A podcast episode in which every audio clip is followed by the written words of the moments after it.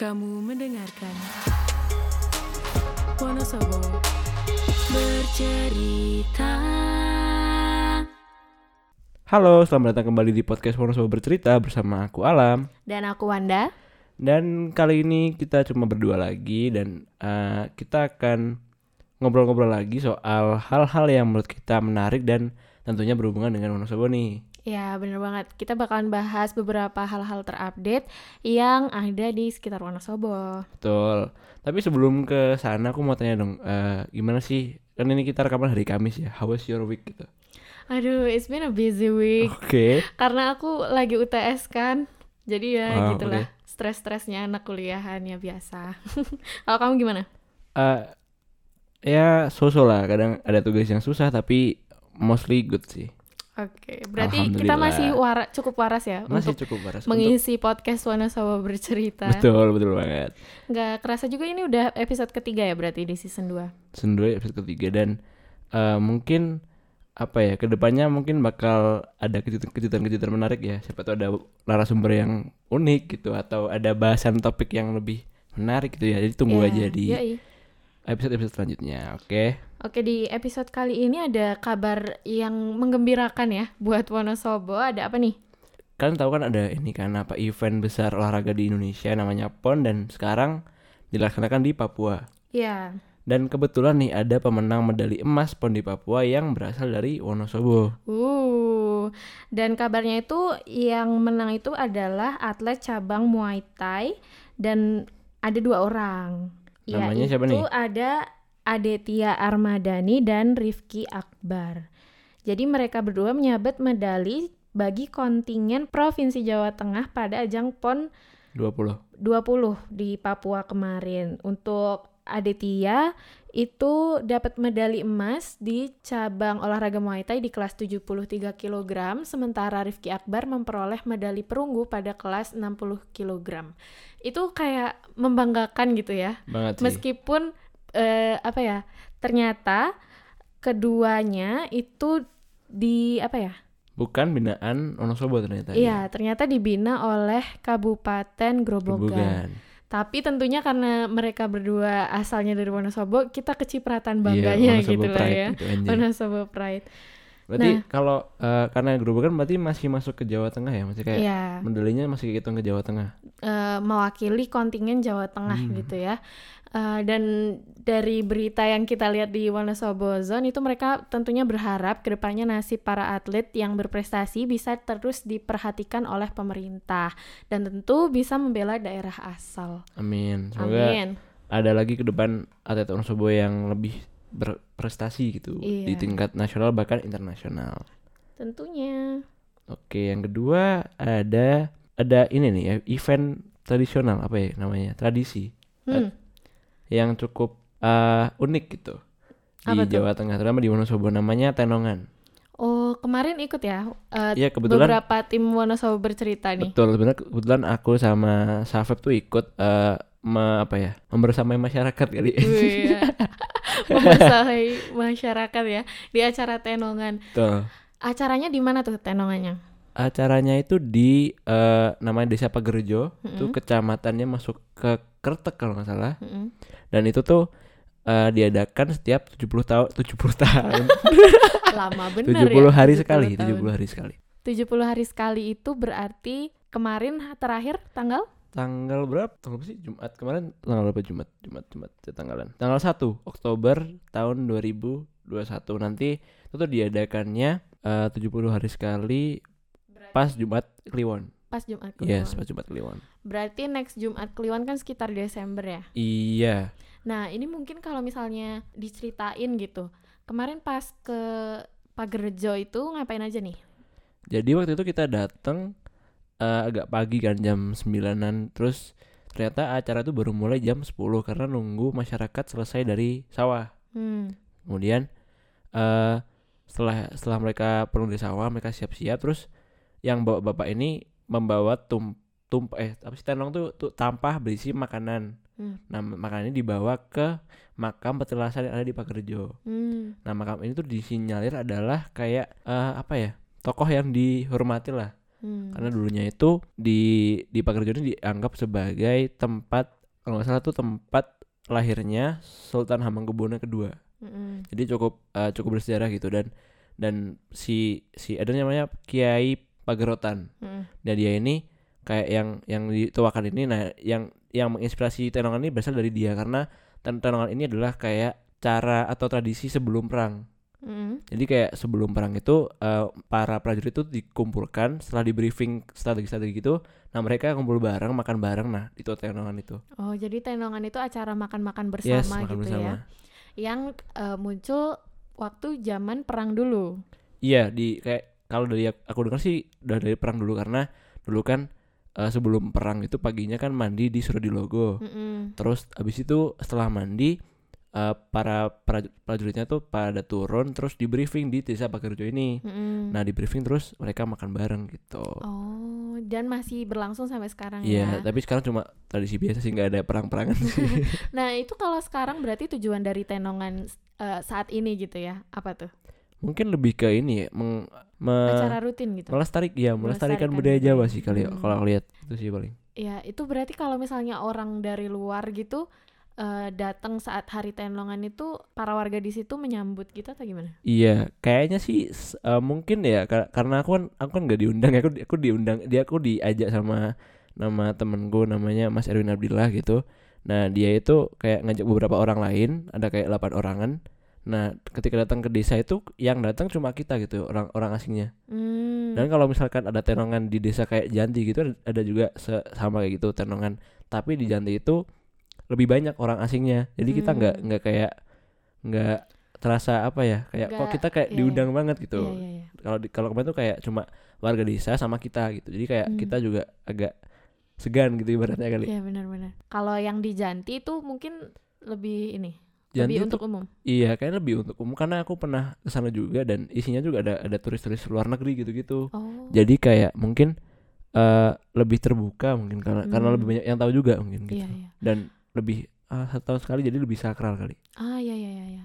Dan berarti kan eh, acara tenongan ini tadinya mungkin ada orang-orang yang cuma tahu di Janti gitu ya. Dan Iya. ternyata ada juga di Iya Pagerjo. betul. Aku juga tahu di Janti sebelum tahu ke Pagerjo ini. Pagerjo. Oke. Oke, itu lihat tadi soal tenongan. Sayangnya waktu itu aku nggak ikut sih ya.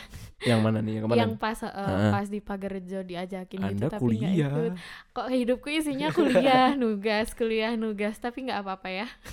Begitulah hidup. Dan eh, kemarin kayaknya ada beberapa pihak juga dari kayak ada Pesona FM gitu-gitu yang ikut. Hmm. Nah menurutku ini juga salah satu cara buat mempromosikan sih. Oh, mungkin ini ya dari warga Pagerjo sudah mengarahkan apa ya? Udah punya arah untuk oh ini perlu publikasi gitu mungkin. Iya menurutku kayak eh, ada arahan untuk ke sana dan dan menurutku semakin banyak orang yang tahu tuh semakin menarik karena emang seseru itu gitu loh. Iya, dan ini kalau misalnya apa ya? Kalau misalnya bisa hidup seperti di Janti gitu bisa eh, imbasnya juga imbas baik ya. Imbas baiknya juga ke warga sekitar Pagerjo tentunya. Betul betul.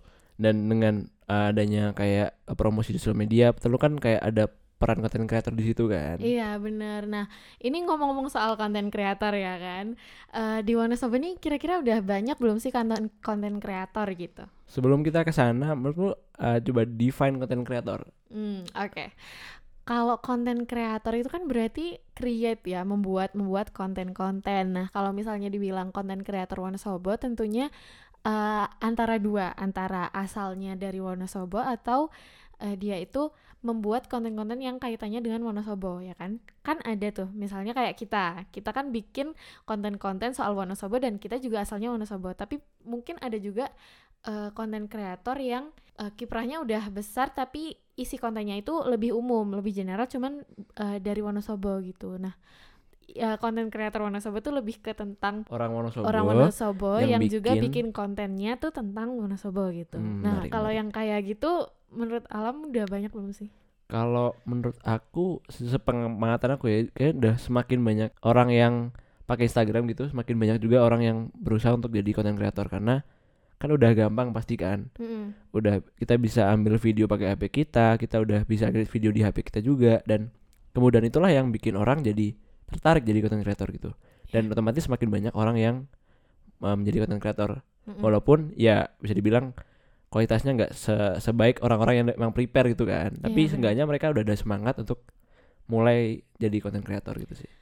Tapi kalau menurut aku juga kalau di Wonosobo konten kreator yang bisa dibilang secara profesional jadi konten kreator ke- kebanyakan ya lebih ke platform gitu sih. Kayak platform-platform berita terus juga apa ya intinya bukan berupa personal gitu ya nggak sih? Jarang yang berupa perseorangan terus dia eh, sebagai konten kreator Wonosobo yang hidupnya sepenuhnya sebagai konten kreator kalau aku lihat lebih banyak yang lebih banyak eh, yang platform. barang-barang kolektif gitu kayak Mm-mm, media mm-mm. gitu kan. Iya, iya sih. media. Mungkin karena lebih mudah kali untuk memulai bareng-bareng daripada bersendirian kan karena iya terus sih benar juga. resikonya juga lebih kecil mungkin dibagi Hmm. bareng-bareng dan tentunya kan pasti kalau bareng-bareng punya ekspertis yang beda-beda ya. Yes betul. dan itu juga ngebantu buat uh, bikin platform kayak gitu. Kayak kita kan di Wonosobo bercerita tentunya punya perannya masing-masing kan. Ada yang jadi mimin ya kan? Mimin Instagram tuh. Terus ada juga yang uh, editor ya kan? Terus bikin podcast dan lain sebagainya. Mungkin itu ya. Tapi lingkungan yang kayak gini tuh menurut kamu mendorong lebih banyak platform-platform baru atau konten kreator baru gitu nggak? tentu karena dengan orang punya expertise masing-masing di dalam platform itu pas- pasti kan mereka saling sharing nih Hmm. nah saling sharing dan dan pasti belajar hal baru dan sebagainya nah pasti ada satu titik di mana mereka juga ingin membuat platformnya mereka sendiri Hmm. nah dari situ pasti akan lebih banyak orang yang bikin platform masing-masing sih Hmm. dan dan pasti konten kreator yang kayaknya konten kreator nggak akan mati dalam waktu dekat ini sih Iya sih, untuk beberapa tahun lah ya. Iya, sebenarnya untuk depan. 10 tahun 20 tahun masih tetap ada sih. Ngomongin soal konten kreator Wonosobo nih. Kalau disebut nama gitu ya, konten kreator di Wonosobo yang sering terdengar gitu ya di telinga kita siapa nih? Kalau nama, kalau orang ya ini perseorangan kan. Kan tadi kita udah bilang ya, ada Iya. yang platform, ada Kalau yang aku kalau perseorangan. perseorangan aja deh yang lebih gampang. Kalau perseorangan mungkin jelas Mas, Mas Lukman, Hmm, Mas Lukman Hakim dan look underscore music yes. Terus Mbak ini Mbak Cesa, ya. Iya, Kenal Cesa. Mbak Cesa, Kenla Cesa tentu. Dan ah, siapa lagi? ya? Mas Mas Arma. Mas Arma betul, Mas Arma. Arma Deka ya Arma kan? Dika Denny Kurniawan keren banget. Terus ada ini Cesar. Hmm. Iya. Bukan yang itu. Cesar Putro Hartono itu juga keren banget. Mm-mm. Dan kalau eh, platform yang kolektif mungkin lebih kayak Wonosobo Zone terus Iya. itu ya. yang yang sering di refer ya sama orang-orang mestinya Wonosobo Zone sama Wonosobo Hits nggak sih Yes. kalau untuk sampai saat ini terus tentunya Wonosobo bercerita ya Iya kan betul banget. tapi kita tentunya tetap butuh ini ya support dari teman-teman pendengar teman-teman yang nge-follow kita juga Boleh buat donasi ke rekening. Ah, belum sampai ke situ Belum, sih belum, belum, tapi belum. tentunya butuh dukungan seenggaknya untuk share dan Iya. juga like Kalau ada kritik saran juga boleh kayak kok ini suara jelek gitu boleh. Boleh. Kalau bahasanya kurang menarik gitu boleh. boleh kayak misalnya pengen bahas ini nih Iya. gitu ya kan bisa di drop di Bisa di DM boleh, DM. DM DM BB boleh, DM kita juga boleh. Mm-mm. Gitu. Terus juga apa ya harapannya sih kita Wonosobo bercerita lebih banyak yang tahu ya kan biar obrolan kita makin asik terus juga interaksi di Instagram kita makin rame ya Mm-mm. kan. Nah harapannya tuh lebih banyak yang aware karena belum semua orang kan tahu tentang Wonosobo bercerita gitu. Itu sih harapannya. Makanya ya kan di follow TikToknya juga di @wonosobo.bercerita nggak cuma di Instagram udah ada di TikTok juga dan kalau misalnya teman-teman yang pengen lihat di YouTube bisa ada di channelnya Wonosobo bercerita. Oke, stop hard selling. Mari kita bahas lagi konten Oke. kreator. Oke, jadi dengan semakin banyaknya konten kreator di sini tuh pasti kan kita butuh kebutuhan akan uang finansial kan. Hmm. Nah, menurut seberapa sih profitable seberapa profitable jadi konten kreator di Wonosobo?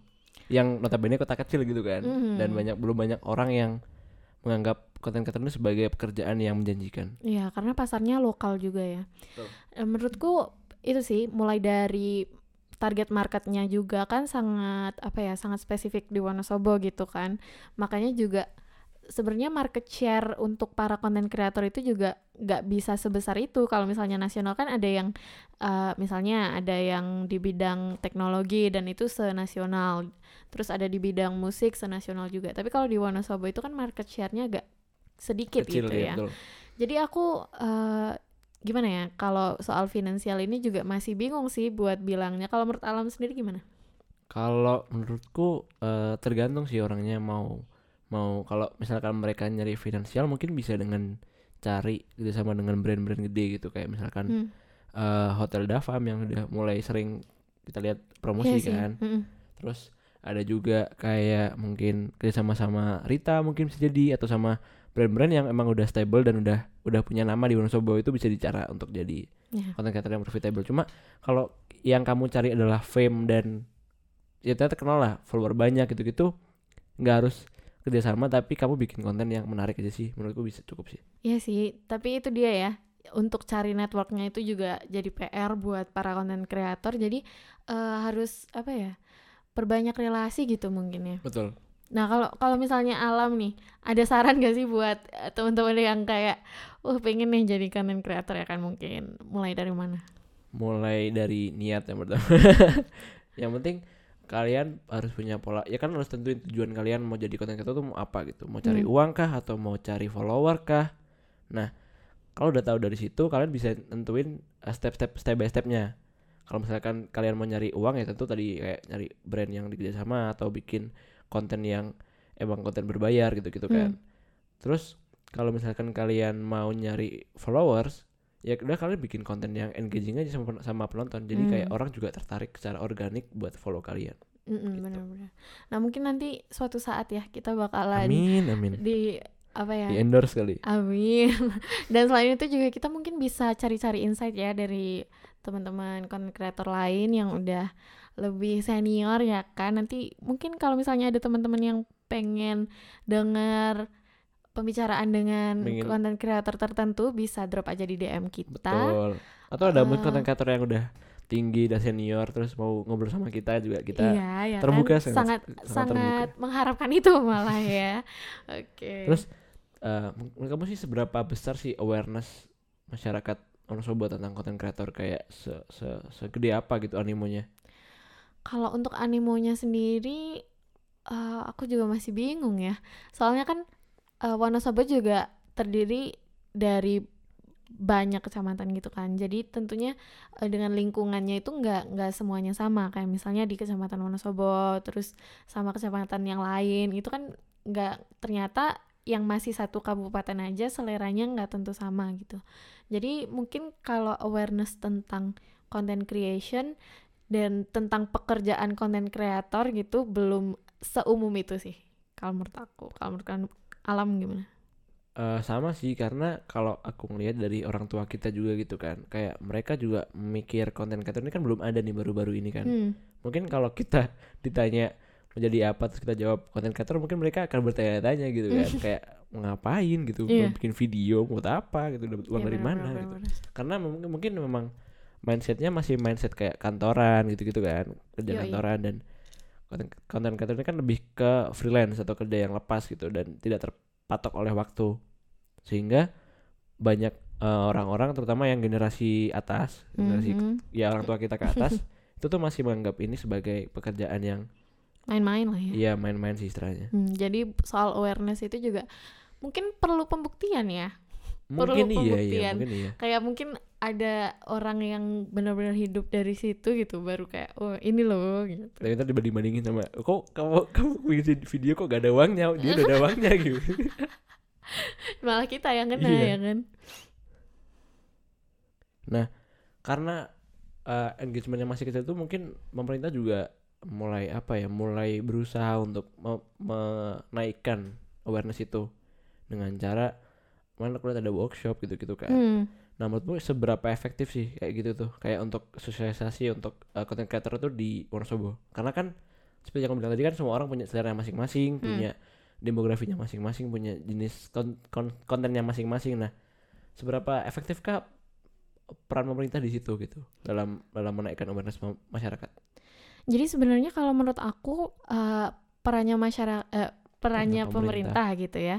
Justru bukan buat bukan hanya untuk ini sih meningkatkan awareness, justru mungkin lebih untuk meningkatkan kolaborasi. Kolaborasi antar konten kreator konten kreatornya. Nah, salah satunya kan tadi kan caranya ada workshop.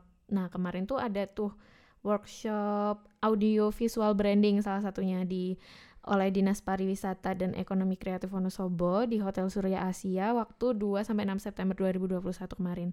Nah, itu sebenarnya juga banyak tuh orang-orang yang kerjanya di bidang content creation, tapi lebih ke arahnya itu mungkin videografi, fotografi dan lain sebagainya. Nah, itu kan dikumpulkan dan di workshop itu tuh uh, kalau dari Najma ya, salah satu teman kita yang sempat ikut kemarin itu kan sebenarnya tujuannya lebih ke ini ya lebih ke membangun relasi gitu. Jadi mereka dipertemukan terus mungkin kalau ada ide dan lain sebagainya dan kolab membentuk kolaborasi itu. Tapi mungkin uh, harus ada cara yang lebih sustain gitu ya.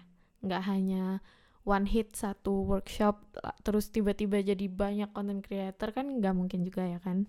Jadi mungkin itu sih usahanya salah satunya buat meningkatkan kolaborasi dan jejaring antar satu sama lain gitu.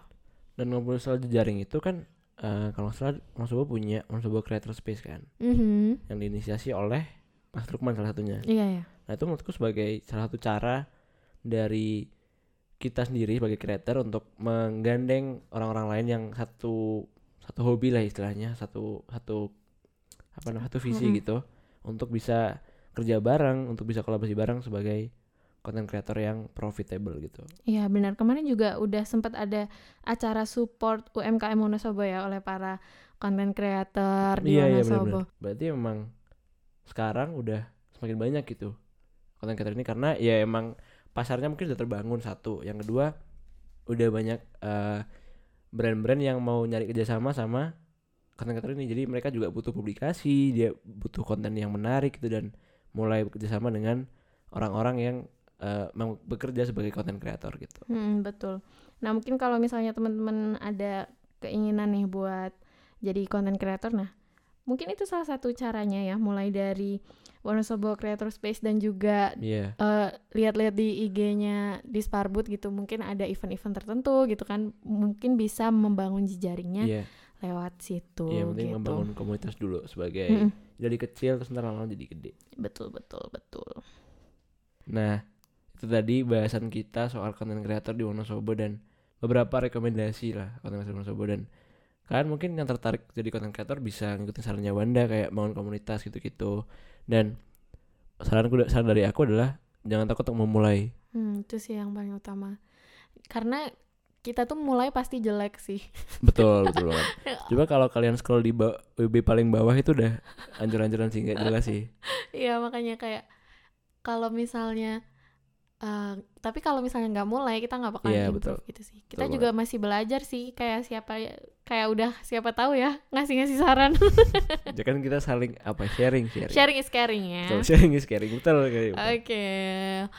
kita udah bahas lumayan banyak ya mulai dari tadi yang awal uh, kita bahas ada pemenang PON yang dari Wonosobo ya kan, terus bahas soal tenongan, terus kita juga melipir-melipir akhirnya sampai ke topik pembahasan kita yaitu tentang konten kreator di Wonosobo.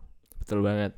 Dan uh, terima kasih untuk kalian udah mendengarkan sampai titik ini. Terus jangan lupa di follow juga Instagramnya WB atau Wonosobo bercerita, TikToknya juga Wonosobo bercerita, dan di YouTube juga Wonosobo bercerita. Ya iya. Nah, kalau misalnya ada saran-saran dan juga kritik mungkin bisa disampaikan di DM-nya Wonosobo bercerita.